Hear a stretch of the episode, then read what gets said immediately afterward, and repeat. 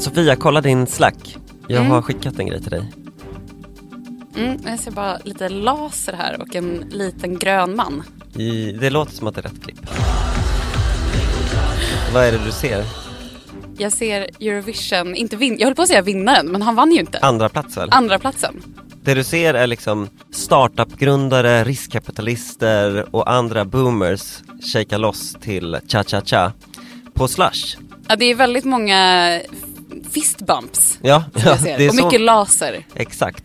Nej men jag var ju på Slush och det här var ju finalkvällen eh, Mm. när allting kulminerade. Men det var också en hel del intressanta namn på den här techfestivalen eller konferensen eller vad man ska kalla det. Mm.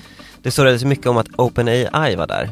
Var det den helgen som hela styrelsekaoset var? Det var det, Det var precis efter, Precis liksom när efter, Sam. Altman hade kommit tillbaka. Så att jag sprang runt mellan de här tre ställena där de här OpenAI-cheferna skulle vara och fick se dem, de fick ju hela tiden frågan Ja. om så här, hur var det för dig? Ja, Jag vet vad de gjorde? Nej. Nej men den ena, han undvek det här väldigt snyggt genom att säga så här, ja ja, nej men vi var ju så fokuserade på att liksom ship products, så att vi lanserade ju GPT voice under den här tiden och sen så började han chatta med ChatGPT.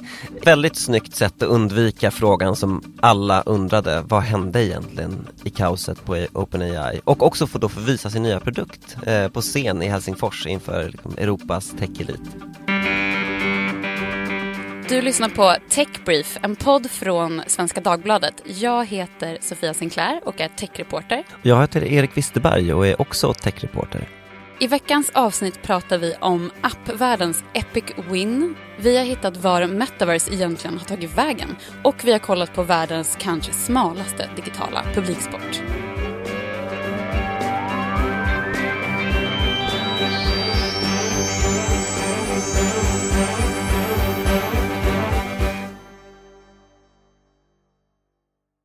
Kom en skräll, får man nog säga, natten till tisdag, Erik. Ja, det, det kom det. Eh, Du tänker kanske på eh, den här domen? Ja. Eh, det kom ju alltså, det var en rättegång där Epic Games, den här spelutvecklaren, hade stämt Google och vann. Vilket ju kanske inte alla trodde att det skulle ske. Nej men det, var, alltså det som var skrällen var väl att de förlorade ju typ samma mål, om jag minns rätt, mot Apple. Precis, för ungefär två år sedan. Eh, och det här handlar alltså om Google Play som är Googles appbutik. Eh, och Epic hävdar ju då att Google har en eh, olaglig monopolställning på marknaden. Precis som de också hävdade gentemot Apple och stämde dem för då. Eh, och det här handlar ju om i grund och botten liksom själva grundstommen i appekonomin. Eh, det här upplägget som både Apple och Google har, även om det skiljer sig åt lite grann. Att de erbjuder ju själva infrastrukturen för appar, alltså distribution eh, genom sina operativsystem, Android och iOS. Och för det så tar de en del av pengarna som utvecklare drar in i sina appar.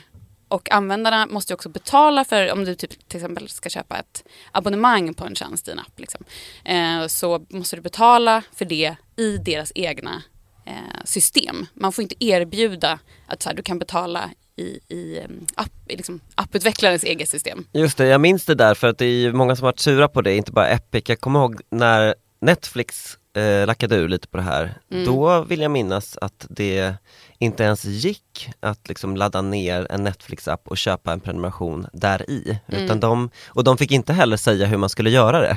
Nej, precis. Så att man fick liksom Precis. eh, klura ut det själv. Så Exakt. att folk har ju slagit otroliga krumbukter på sig själva för att undvika att betala den här skatten som vissa kallar Precis, det. i folkmun så har det kallats för Apple-skatten oftast. Och det har ju legat på mellan, ja, runda slängar 30 procent kan man säga, men lite lägre i andra fall. Alltså som då utvecklare behövt betala av sina intäkter. Jag minns också, alltså mitt första minne, eh, då förstod jag ju inte vad det här handlade om. Men eh, när jag laddade ner Spotify, liksom första gången till, till telefonen, alltså appen, och tyckte det var så sjukt märkligt att jag måste gå till hemsidan för att kunna skaffa mig ett premiumkonto. Just det, just det. Spotify har också varit sura på den här Apple-skatten. De har ju varit lite Epic, de har ju liksom krokat arm med Epic tidigare gentemot Apple. Men just med Google så blev det lite speciellt för där har de ju haft, det är det som också är speciellt med Google i hela den här um, rättegången, att de har ju haft eh, lite, lite egna regler, lite andra system och gett Mhm. vissa bolag lite mer fördelaktiga deals, till exempel då Spotify. Ja, alltså för att det här handlar ju om liksom alla pengar som vi betalar när vi köper saker i appar. 30% ungefär av det har gått till två företag under Mm. väldigt många år. Och det här blir ju liksom otroliga pengar. Mm. Det som jag tyckte var lite speciellt med den här eh, Epic-domen mot Google Play det var ju att så här, rubriken i alla fall slog fast att Google har bedrivit ett illegalt monopol. Mm. Tänkte du på det? Ja, alltså det är ju det som, det är väl första gången, tror jag i alla fall, som, som en domstol just har slagit fast det. Alltså det har ju pratats om det och liksom Epic har ju då hävdat att det är så, men att man faktiskt slår fast det är ju otroligt stort. Eh, Och jag pratade med lite folk innan och vissa hävdar ju att det här är den första gången sen Microsoft för över 20 år sedan fick Mm. en sån här liksom antikonkurrensdom emot sig som ett stort techbolag faktiskt förlorade ett sånt här mål i domstol. Men vad, vad tänker du då? Det, det här är såklart en liksom epic win för Epic. Det har man också sett i många rubriker. Det har man sett, den är liksom lätt att göra. Jag skulle kalla, kanske kalla det för en, till och med en Crown Victory Royale Mhm. för Epic. Varför då? då? Nej men det är ju liksom om man inte bara vinner i Fortnite, alltså Ja. Epic-spel, utan Mm. man vinner med en krona på huvudet. Det är Mm. väldigt fint. Mm, Eh, mm. Nåväl, men jag tänkte så här, det är bra för Epic såklart. De kanske kan få då i framtiden göra på andra sätt. De har ju blivit utkastade ur både Google Play och Apple för att de har liksom sagt till sina användare att så här, köp på vår sajt istället Mm. så kostar det mindre. Och, och det var ju lite kul också just med eh, i Apple-fallet. För att där förlorade ju Epic på ja, 9 av 10 punkter. Men det de faktiskt eh, fick igenom, eller fick rätt för, det var ju just det här att de faktiskt då får berätta för användare att det går att ta betalt på andra sätt. Alltså de får i princip mejla användare. Att det är det en andra. seger för yttrandefriheten då? Nej men skämt åsido, men det var Apple överklagade väl just den och liksom ska driva det. Precis. Alltså det är så känsligt för dem att om en app berättar att här kan du köpa, det tycker Apple är fruktansvärt nog för att driva processen vidare. Ja, ja, precis. Det är ju inte helt klart än. Den ska ju eventuellt upp på högsta, högsta rättsliga nivå här framåt. Ja, men så Epic har alltså förlorat mot Apple, vunnit mot Google. Ehm, Google har också överklagat, ska vi säga också. Men eh, oavsett så har ju den här domen större betydelse. Det berör ju inte bara Google, utan det berör ju massa andra bolag också. Eh, och man kan ju dra tre slutsatser av det här, skulle jag säga. Spännande. Mm. Ja, men då ska jag dra den första här då. Eh, rätten har alltså gjort vad politikerna inte klarar av. För det är inte så att den här stämningen är första gången som eh, det här monopolet då berörs. Utan eh, politiker i USA har ju också velat få igenom ett eh, ja, men, eh, lagförslag som eh, heter Open App Markets Act. De är bra på att döpa lagar i Ja, USA. verkligen. De är bra på, på att paketera. Eh, och, och den lagen skulle egentligen ja, innebära lite liknande saker som, eh, som det som Epic har velat få igenom. Alltså det vi har pratat om, just den här eh, appskatten och eh, hur man eh, tar betalt och sådär.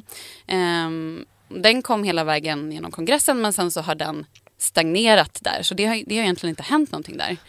Just det, men ökar ett sånt här domslut och pressen på Ja, det är många som har, som har just blåst lite liv i den här eh, nu igen. Att man börjar prata om den igen, att, att man ska liksom lyfta fram den och förhoppningsvis Det kanske blir lättare den. också då om, om domstolen har slagit fast att det här är ett illegalt monopol så blir det liksom Man har ju lättare, lite mer att jobba med, det är lättare att skriva en Ja. debattartikel då. verkligen.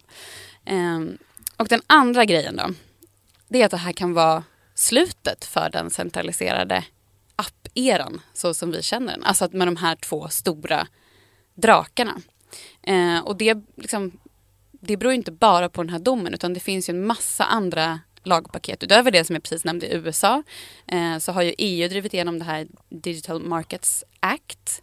Eh, och det kommer också troligtvis att tvinga både Google och Apple att bli mer öppna och tillåtande. Hur skulle man märka det i sin telefon sen, tror du? Men det är att du får fler, eh, du kan få fler olika appbutiker där du kan ladda ner appar.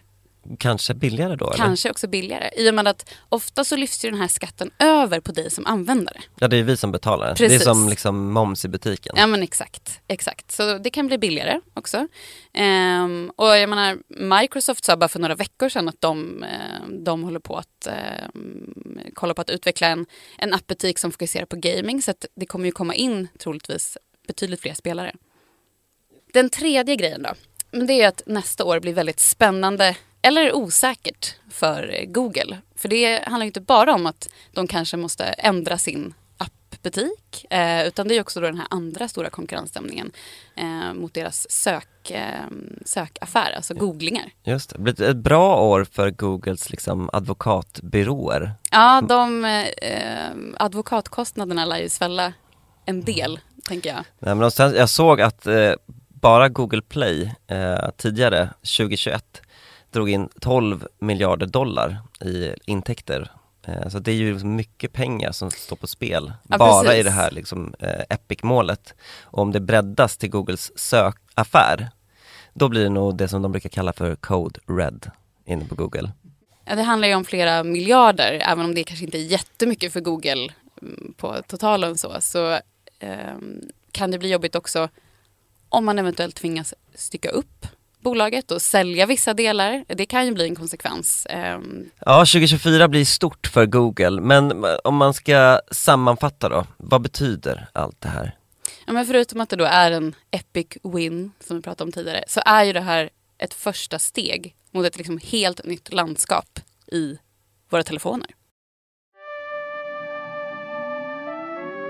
Techbrief presenterar veckans Mm, Sofia, nu blir det sport. Vi ska, Ni som håller räkningen vet ju att vi har snackat om sport här tidigare. Det var En, en gång. A i fotboll. eh, och nu ska vi höra ett så här extremt spännande klipp där några kommentatorer live kommenterar det som händer. They're moving around an asteroid field trying to find the optimal path. So it's a lot of um, um, cell movement uh, based on asteroid value. really challenging. That's really challenging. yeah, to try and find a path through through the squares here, the cells. Andrew's shaking his head. Go! Det, Shaken is here. det låter lite som mitt liv det där, trying to find the path. Men det vi hörde nu, det var ju eh, finalen i eh, World Excel Championships. Har du sett den någon gång? Eh, nej, det har jag inte gjort. Men det är faktiskt flera i min omgivning som eh, inte så förvånade nog är konsulter som Ja. hade hört talas om det här. Ja. Va- Såg de det här då? då? Ja, de hade i alla fall suttit och tittat lite på Youtube. Det här klippet var ju tre timmar långt. Ja, ja. Inte på hela kanske. Ja, men eh, Microsoft får man väl säga gläds åt detta, att Excel inte bara är en liksom kontors ninja skill nu för tiden, utan även något som man kan tävla i och vinna i. Ja, och det är ju verkligen... Jag, för, jag försökte liksom ta reda på hur funkar det här egentligen? Man ska alltså lösa eh, så svåra liksom, problem i Excel på så kort tid som möjligt. Lots of self movement. Exakt. Ladies and gentlemen, children of all age, we have our new winner! För de som är riktigt intresserade så var det australiensaren Andrew Ngai som vann och kan titulera sig tvåfaldig mästare i Excel. Och det där var veckans nördigaste.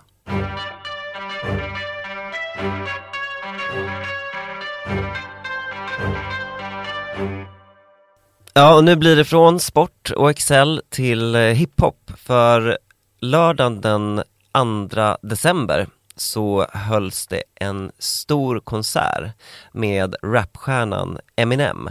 Och det här var inte på en vanlig arena, eh, men vi kan ju kolla på eh, klippet och lyssna hur det lät.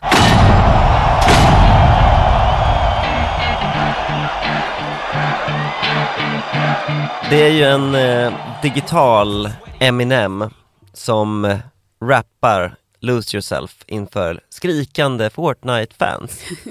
Jag blev lite extra glad att visa det här som att jag faktiskt eh, såg om Eminems 8 Mile häromdagen. Just det, det, och det kanske är fler som har gjort det då efter den här konserten. Ja. Men det som hände var ju att eh, Fortnite, som då ägs av Epic Games, som vi pratade om tidigare här i podden, de har lyckats med någonting som ganska många mediebolag försöker med, med allt liksom minskande framgång. Alltså de här skapar som stora lägereldar. Typ som Melodifestivalen eller Eurovision, något som alla tittar på samtidigt och som skapar mycket buzz och som folk snackar om. Men eh, har du varit på konsert i Fortnite någon gång? Nej, jag har inte det. Jag känner ju till den här eh, stora Travis Scott-konserten och sådär. Jag vet ju att det finns. Men eh, för de som eh, kanske bara tänker att Fortnite är ett skjutspel, kan inte du förklara lite mer vad det här är för värld? Ja, alltså mängden spenderad tid på att skjuta i Fortnite, är, den är nog betydligt större än att kolla på konsert. Men eh, formatet är ju så här, man släpper ner 100 spelare eh, i en värld. Sen ska man gå runt och hitta vapen och liksom medkits och så vidare och sen så ska man springa runt där och skjuta varandra tills det bara är en kvar. Men Fortnite har också blivit något av ett eh, digitalt vardagsrum för många unga eh, och barn som eh, pratar med varandra under tiden de spelar och liksom man köper en massa skins, alltså man köper kläder till sina avatarer och det har blivit som en liten parallellvärld där i. Och eh, Epic Games då som, som äger Fortnite, eh, som vi pratade om tidigare här i podden, de har ju sett möjligheten att liksom göra mer då. När man har eh, hundratals miljoner spelare så kan man skapa sådana här lägereldar som har funnits i traditionell tv förut, som jag tänker på typ Melodifestivalen, att man har sett det på kvällen och sen kan alla prata om samma sak eh, dagen efter. Och eh, de har ju haft, eh, jag tror att Marshmello var väl den första stora konserten i Fortnite redan 2019. Och sen har de ju upprepat det med Travis Scott som du nämnde, Ariana Grande såg jag faktiskt själv i Oh, är det Fortnite. sant? Ja. Eh, och det skapar ju ett liksom enormt engagemang. Eh, och den här Eminem-konserten, Hur många var det som, som tittade? Hur många var det som deltog? ja, jag har faktiskt inte sett någon så säker siffra på Nej. det. Jag minns bara att när Marshmello spelade, då var det uppgifter om att det var över 10 miljoner som på något sätt eh, var inne i det. Mm. Och då får man tänka sig att eh, Fortnite har, jag tror att det är typ 350 miljoner registrerade konton och eh, ungefär 100 miljoner aktiva spelare i november nu i Mm, år. Så att det är liksom en jättekraft inom eh, vissa liksom, grupper av befolkningen. Eh, men det som är lite spännande i det här tycker jag att eh, det påminner ju om liksom någonting som andra har försökt skapa, alltså det här liksom parallellvärlden. Du tänker på eh, metaverse? Jag tänker på metaverse. Ja. Ett ord som, som, inte har, em, som vi inte har hört jättemycket det här senaste året. Nej, men många har ju försökt. Eh, till exempel Meta. Som, det var ju 2021 som de till och med bytte namn på Facebook till Meta för att storsatsa på att skapa parallella, en parallell värld av något slag och de har ju lagt oerhörda pengar på det.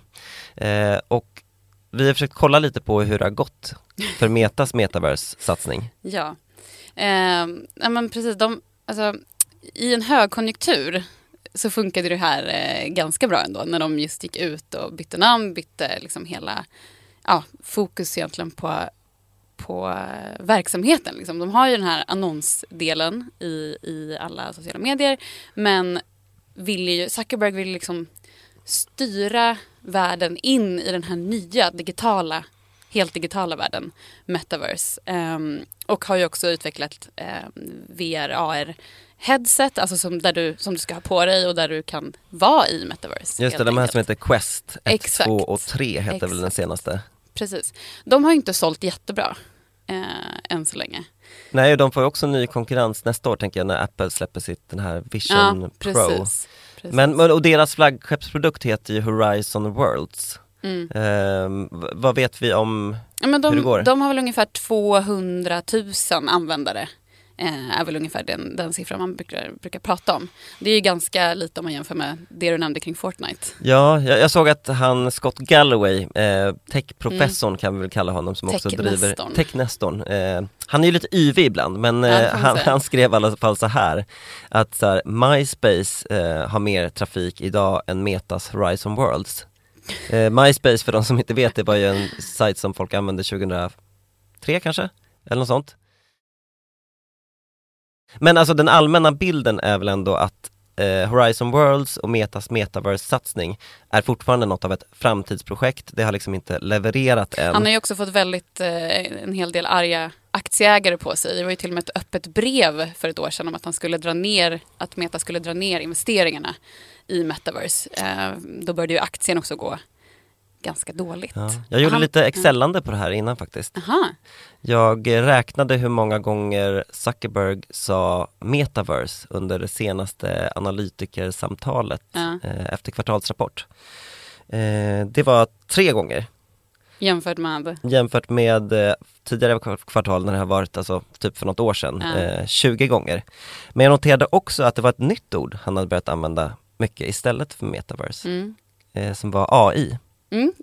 Så att liksom, inte- om, man, om man ska gå efter semantiken i Zuckerbergs eh, samtal med analytiker så pratar han mindre om metaverse nu än tidigare och pratar istället mycket mer om AI. Mm. Och de har ju också ändrat sitt fokus väldigt mycket under året eh, gentemot just AI. Alltså de har ju släppt eh, egna mm, språkmodeller och börjat, eh, ja, man vill integrera det liksom i i eh, Facebook och Instagram och de andra apparna. Eh, han pratar ju också om det på ett lite annat sätt, noterade jag. Ja, hur då? Nej, men att han, innan så har jag ju liksom fokuserat just på metaverse som en helt liksom, digital värld. Ja. Eh, nu pratar han ju lite mer om det som att det är just en, en liksom blandning mellan den digitala och den fysiska. Han är liksom inte lika, ehm, lika liksom, hårt övertygad om att vi kommer leva i en helt digital värld. Men innehåller den ben, den här världen?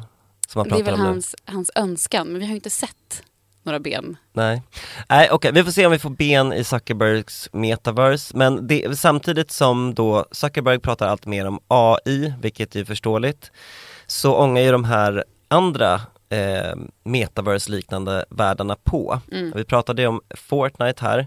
Eh, de, eh, de gör ju också andra saker i spelet eh, som, som liksom lanserades i med den här Eminem-konserten. Och den stora saken är väl att eh, allas vår favoritleksak när vi var små, Lego, Ja, blir digital. ja.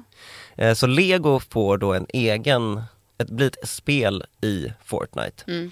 Eh, som enligt mig, till mig närstående källor påminner ganska mycket om Minecraft. Alltså det är mindre skjutande och mer byggande, alltså mer uppbyggligt eh, eh, arbete. Mm. De har också integrerat eh, Rocket League eh, som är ett bilfotbollsspel. Ja det låter konstigt men det är sant i, i det här. Och eh, under en hel säsong så var det liksom Star Wars-tema Mm. I den här världen. Om man, eh, om man liksom tittar lite noggrannare så kan man se en gemensam nämnare här. Eh, och det är att alla de här jättestora varumärkena som syns i Fortnite har också investerat, alltså blivit delägare i Mm, Epic mm. Games. Eh, så att man ser, tycker jag, ett intressant exempel på hur man har fångat en väldigt stor publik globalt, främst bestående av liksom yngre människor och skapar den här liksom, parallella världen som de vill vara i och sen så skjuter man in eh, allt man kan där i. Men vem, vem är det som betalar vem här, undrar jag då? Alltså man investerar ju då, men, men vad liksom...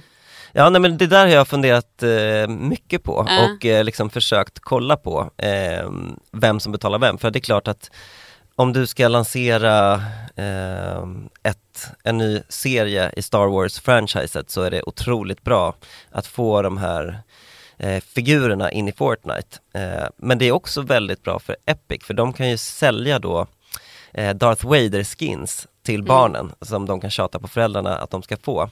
Och jag, det, det var därför jag tittade så noga på vilka de här bolagen är och min slutsats är väl att eh, de har eh, någon gång investerat och blivit delägare i Epic Games eh, och där kan man ju tänka sig att en del av förklaringen finns. Men Epic behöver ju också vinna på det här, tänker jag.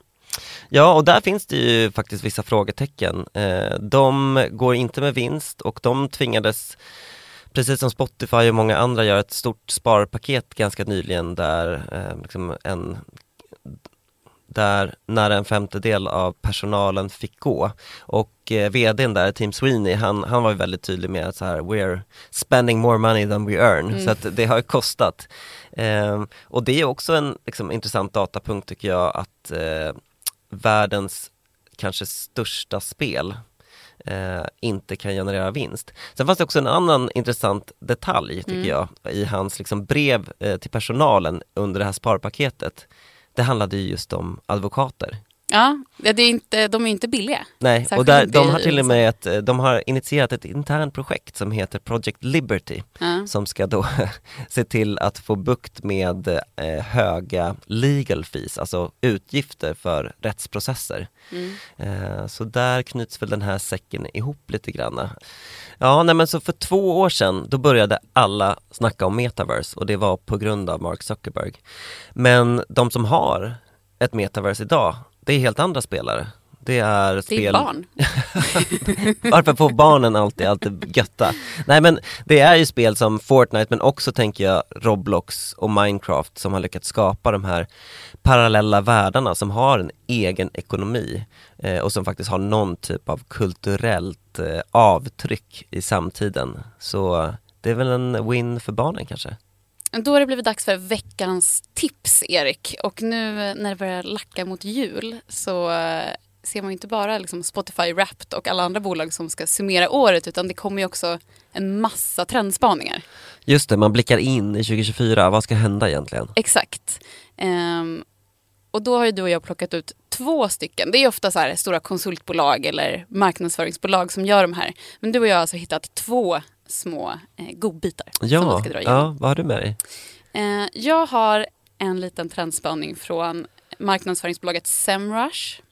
Eh, som då pekat ut vilka två sociala mediebolag som kommer eh, regera i 2024. Mm, Det är spännande. Och det ena kanske är ganska givet, TikTok. Det kunde Ja. man gissa. Den hade jag kunnat gjort utan att göra en rapport, säga Exakt, TikTok. Men exakt. ja, Eh, och den andra är, och det tyckte jag var lite oväntat ändå, det är eh, LinkedIn. jaha. Ja, det, det känns Mm. inte som en liksom up and coming. Men vad, vad tänker de är speciellt med LinkedIn nu då? Ja, men, eh, dels är det den här klassiska grejen att ehm, ja, du bygger liksom, professionella relationer och sådär. Men den främsta eh, grejen som, som de tror kommer driva liksom, engagemang eh, i 2024 det är de här personliga berättelserna som man ju har sett börja poppa upp ganska mycket på LinkedIn. Eh, med lite mer så här intim och personlig storytelling. Eh, att olika vd går ut och berättar om eh, ja, personliga misstag eller lärdomar eh, och de här hjältehistorierna som man vill att eh, användare ska kunna relatera till. Mitt LinkedIn-tips är så här, börja med jag, ha jag i mitten och avsluta med jag. Det är väl det man brukar se oftast. Exakt. Ja. Ja. ja, men spännande. Jag ser fram emot det. Kanske också de som inte orkar med Twitter längre eh, vänder sig till Mm, LinkedIn. men det känns som att många har börjat eh, gå över dit. Yes, ja men och jag har ju då grottat ner mig i Gartners stora trendrapport, den här Mm. konsultbyrån. Den brukar man alltid se tycker jag när folk håller pow- powerpoint så är det något från Gartners trendrapport. Men det var en grej jag fastnade som lät så spännande och dystopiskt på samma gång och det var ju Machine Customers. Mhm.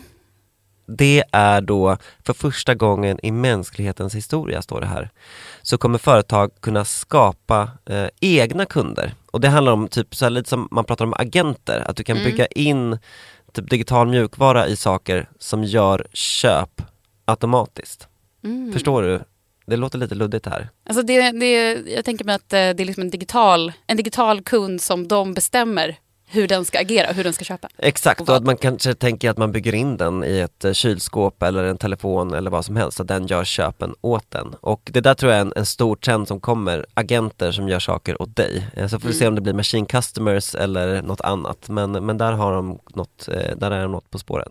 Och vi ska också spana in själva i 2024, har vi tänkt, i två extra poddar som vi kommer släppa eh, nu eh, över jul. Så de får ni också hålla utkik efter. Exakt, under mellandagarna kommer vi peka ut de personer eh, som är bäst att hålla koll på under 2024 och det kommer vara lite oväntade namn kan jag lova.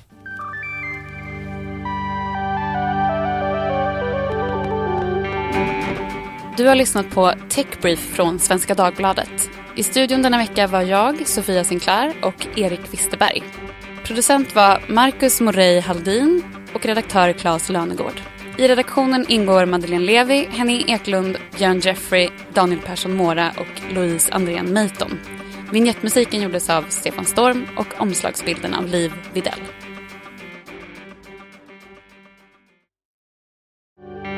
Ljudklippen i podden kommer från Slush, Fortnite och Microsoft Excel World Championships 2023. Ansvarig utgivare är Martin Ahlqvist.